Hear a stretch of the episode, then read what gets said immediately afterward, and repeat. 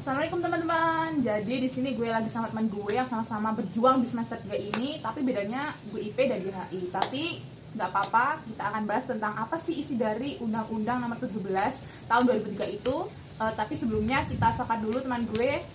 Hai, sis. Halo. Apa Eh, kabar? Alhamdulillah kabar baik. Uh, BTW kita lama ya nggak bertemu. Iya, soalnya kita itu kalau mau keluar itu mesti itu sama tugas, sis.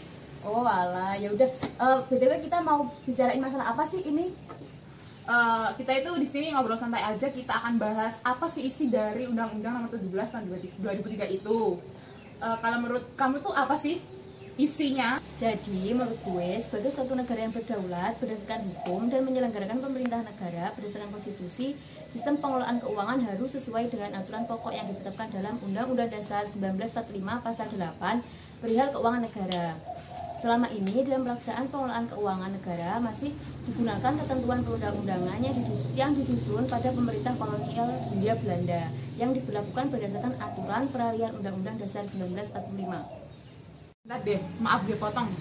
Tapi kan peraturan undang-undang tersebut mempunyai berbagai kelemahan yang dapat menyebabkan terjadinya beberapa bentuk penyimpangan dan tidak dapat mengakomodasi berbagai perkembangan yang terjadi dalam sistem kelembagaan negara dan pengelolaan keuangan pemerintah Republik Indonesia.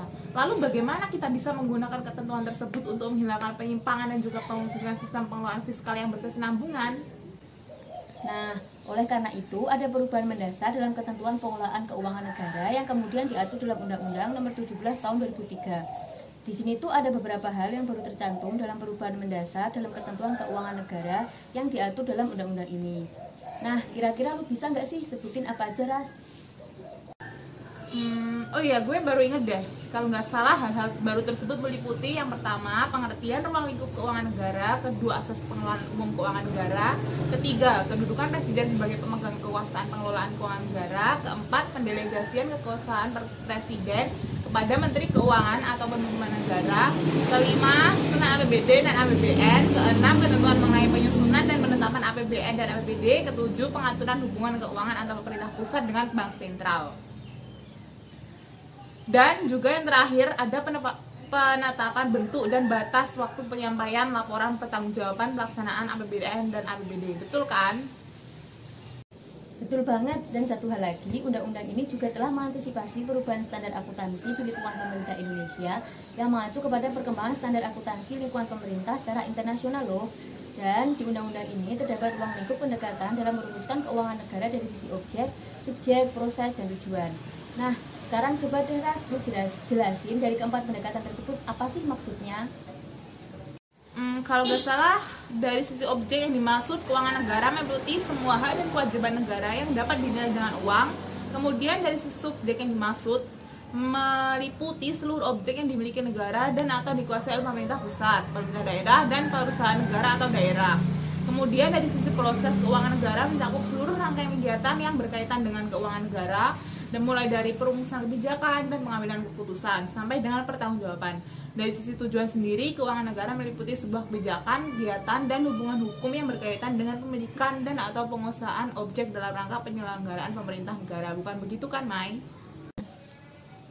Ya kurang lebih seperti itu. Selanjutnya dalam undang-undang ini itu terdapat juga azas- azas-azas umum dalam pengelolaan negara. Eh, tolong dong sebutin ras azas-azas umum ini itu berorientasi pada aspek apa? Ya lah, gampang banget nih gue jelasin ya. Yang pertama itu ada azas persatuan, di mana semua asas tersebut menghendaki agar semua pendapatan dan belanja negara disajikan dalam satu dokumen negara. Yang kedua ada azas universalitas yang mengharuskan agar setiap transaksi keuangan ditampilkan secara utuh dalam dokumen anggaran. Dan yang ketiga ada asas tahunan yang membatasi masa berlakunya anggaran untuk satu tahun tertentu. Dan yang terakhir ada asas spesialis yang bermaksudkan agar kredit anggaran yang disediakan secara terinci atau jelas. Gimana? Bener apa enggak sih, Mai? Benar sih ras, tapi lu kelupaan kalau ada tambahan azas baru sebagai pencerminan best practice atau penerapan KIP yang baik dalam pengelolaan keuangan negara. Coba lu inget-inget deh, ada lima azas baru loh. Yuk. Hah? Bentar-bentar, gue inget-inget deh. 5 asas baru. Oh, yang pertama itu ada akuntabilitas, kemudian yang kedua ada asas profesionalitas, dan yang ketiga ada asas profesionalitas, kemudian ada azas keterbukaan dalam pengelolaan keuangan negara, dan yang terakhir ada azas pemeriksaan oleh badan pemeriksa yang bebas dan mandiri. Dah, itu kan Mai?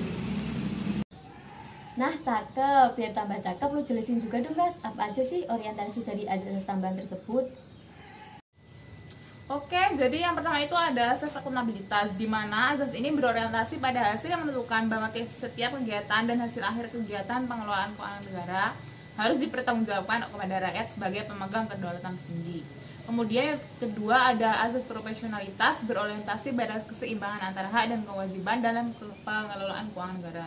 Kemudian yang ketiga ada azas profesionalitas berorientasi pada pengutamaan keahlian berdasarkan kode etik dan ketentuan peraturan perundang-undangan. Kemudian selanjutnya ada asas keterbukaan yaitu asas yang buka diri terhadap hak masyarakat untuk memperoleh informasi yang benar, jujur dan tidak diskriminatif. Dan yang terakhir ada asas pemeriksaan keuangan negara oleh badan pemeriksa yang bebas dan mandiri yang di mana asas ini memberikan kebebasan bagi setiap pemeriksa keuangan untuk melakukan pemeriksaan keuangan negara dan tidak dipengaruhi oleh pihak mana pun. Nah, gimana udah tambah cakep kan? Hmm, benar juga sih Lulas. Dengan dialognya azas-azas umum tersebut di dalam undang-undang tentang, tentang keuangan negara, maka pelaksanaan undang-undang ini selain menjadi acuan dalam reformasi manajemen keuangan negara, sekaligus dimaksudkan untuk memperkokoh landasan pelaksanaan desentralisasi dan otonomi daerah di negara kesatuan Republik Indonesia. Next, kita bahas tentang kekuasaan atas keuangan keuangan negara. Nah, menurut lu nih, siapa sih yang berkuasa dalam hal ini, Ras? Ya kalau dibilang penguasa sih yang pasti presiden selaku kepala pemerintahan yang memegang kekuasaan pengelolaan keuangan negara sebagai bagian dari kekuasaan yang dimaksud Simai. Tapi kalau cuma presiden aja kan menjalankan kekuasaan ini kan nggak mungkin karena hal ini bakal mudah dilakukan sendiri. Nah, untuk membantu presiden dalam penyelenggaraannya, kekuasaan yang dimaksud sebagai kekuasaan tersebut dikuasakan kepada Menteri Keuangan selaku pengelola fiskal dan wakil pemerintah dalam kepemilikan kekayaan negara yang disahkan serta kepada pimpinan lembaga selaku pengguna anggaran atau pengguna barang Kementerian Negara. Pada hakikatnya Menteri Keuangan adalah Chief Financial Officer sementara setiap menteri adalah Chief Operational Officer. Jadi begitu sih kurang lebih ya benar banget. Next tentang penyusunan dan penetapan APBN sebelumnya apa sih pengertian dari APBN menurut Muras? Ya kalau bahas tentang APBN sih perlu kita mulai dari pengertian anggaran negara Anggaran adalah suatu rencana keuangan yang merupakan pemikiran tentang apa yang akan dilakukan di masa yang akan datang, sedangkan anggaran negara adalah rencana keuangan yang disusun dan dilaksanakan oleh pemerintah. Pada dasarnya sih APBN mengandung perkiraan jumlah pendapatan, perkiraan jumlah belanja, dan perkiraan pembiayaan disusun oleh pemerintah dengan tujuan dalam rangka pelaksanaan tugas yang dibebankan kepada pemerintah. Bukan begitu kan, Main? Secara garis besar benar sih, Nurul dan perlu kita ketahui pengelolaan APBN secara keseluruhan dilakukan melalui beberapa tahapan seperti perencanaan APBN, penyusunan APBN, pembahasan APBN, penetapan APBN, pelaksanaan APBN, pelaporan pencatatan APBN, dan yang terakhir pemeriksaan dan pertanggungjawaban APBN. Oh alah, jadi begitu ya Mai. Terus kalau gue nggak salah itu dalam penyusunan APBN itu menggunakan struktur dan juga format anggaran. Itu benar gak sih menurut lo? Nah itu benar banget. Jadi kamu tahu kan tujuan dari uh, pengelolaan struktur dan juga format anggaran dalam pengelolaan APBN? Tahu dong nih, gue jelasin apa sih tujuannya. Yang pertama itu untuk meningkatkan transparansi dalam penyusunan APBN, yang kedua untuk mempermudah analisis, kemudian yang ketiga ada pengendalian pelaksanaan dalam pengelolaan APBN sehingga dapat diambil langkah-langkah untuk memperkecil diskrepsi dengan data pembiayaan Bank Indonesia dan yang terakhir untuk melaksanakan desentralisasi fiskal sesuai dengan Undang-Undang Nomor 33 Tahun 2004. Kalau nggak salah itu sih setahu main. Ya benar banget. Kalau dalam pelaksanaannya gimana sih menurut Muras? Setelah BPN ditetapkan secara rinci dengan undang-undang, pelaksanaannya itu dituangkan lebih lanjut dengan keputusan Presiden sebagai pedoman bagi Kementerian Negara atau lembaga pelaksana negara. Kemudian ketentuan mengenai pengelolaan keuangan negara ini APBN dan APBD ditetapkan tersendiri dalam suatu undang-undang yang mengatur penyelenggaraan negara mengingat lebih banyak menyangkut hubungan administratif antara kementerian negara atau lembaga di lingkungan pemerintahan Mai. Yo, lu bener banget Ras. Kalau gitu kita lanjut bahas tentang hubungan keuangan antara pemerintah pusat dengan bank sentral, pemerintah daerah, serta pemerintah atau lembaga asing.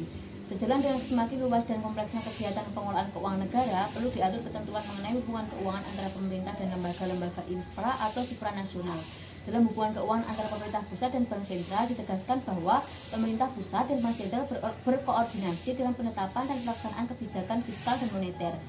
Nah, lanjut deh lu yang jelasin hubungan dengan pemerintah daerah.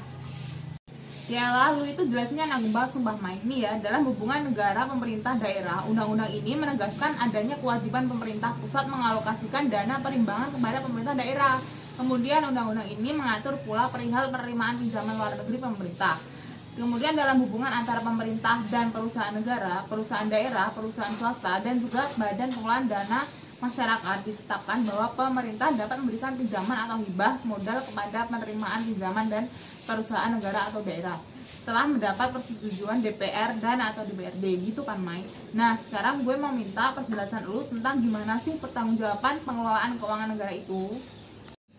Hmm, udah aja sih salah satu upaya kaum untuk mewujudkan transparansi dan akuntabilitas pengelolaan keuangan negara adalah penyampaian laporan pertanggungjawaban keuangan pemerintah yang memenuhi prinsip-prinsip tepat waktu dan disusun dengan mengikuti standar akuntansi pemerintah yang telah diterima secara umum. Dalam rangka akuntabilitas pengelolaan keuangan negara, menteri atau pimpinan lembaga atau gubernur atau bupati atau wali kota selaku pengguna anggaran bertanggung jawab atas pelaksanaan kebijakan yang ditetapkan dalam undang-undang tentang APBN ataupun peraturan daerah tentang APBD dari segi manfaat ataupun hasil. Eits, tapi ada tapinya nih Mai. Sebagai konsekuensinya, dalam undang-undang ini diatur sanksi yang berlaku bagi menteri ataupun pimpinan lembaga serta pimpinan unit organisasi kementerian negara ataupun lembaga satuan kerja perangkat daerah yang terbukti melakukan penyimpangan kebijakan yang telah ditetapkan dalam undang-undang tentang APBN dan juga APBD. Selain itu, perlu ditegaskan bahwa prinsip yang berlaku universal bahwa setiap barang yang diberikan wewenang untuk menerima, menyimpan, dan juga membayar atau menyerahkan uang surat berharga ataupun barang milik negara dipertanggungjawabkan secara pribadi atas semua kekurangan yang terjadi dalam pengurusannya. Kewajiban ini untuk mengganti kerugian keuangan negara oleh para pengelola keuangan negara yang dimaksudkan untuk merupakan unsur pengendalian intern yang handal. Ya deh iya, gue itu sebenarnya mau jelasin itu juga, tapi keburu lu tikung sih. Uh, kalau gitu uh, saya akhiri podcast kali ini. Semoga bisa memberikan manfaat juga bagi pendengar uh, insya Allah kita akan bertemu lagi di podcast tugas-tugas kuliah saya selanjutnya. Dadah, assalamualaikum warahmatullahi wabarakatuh.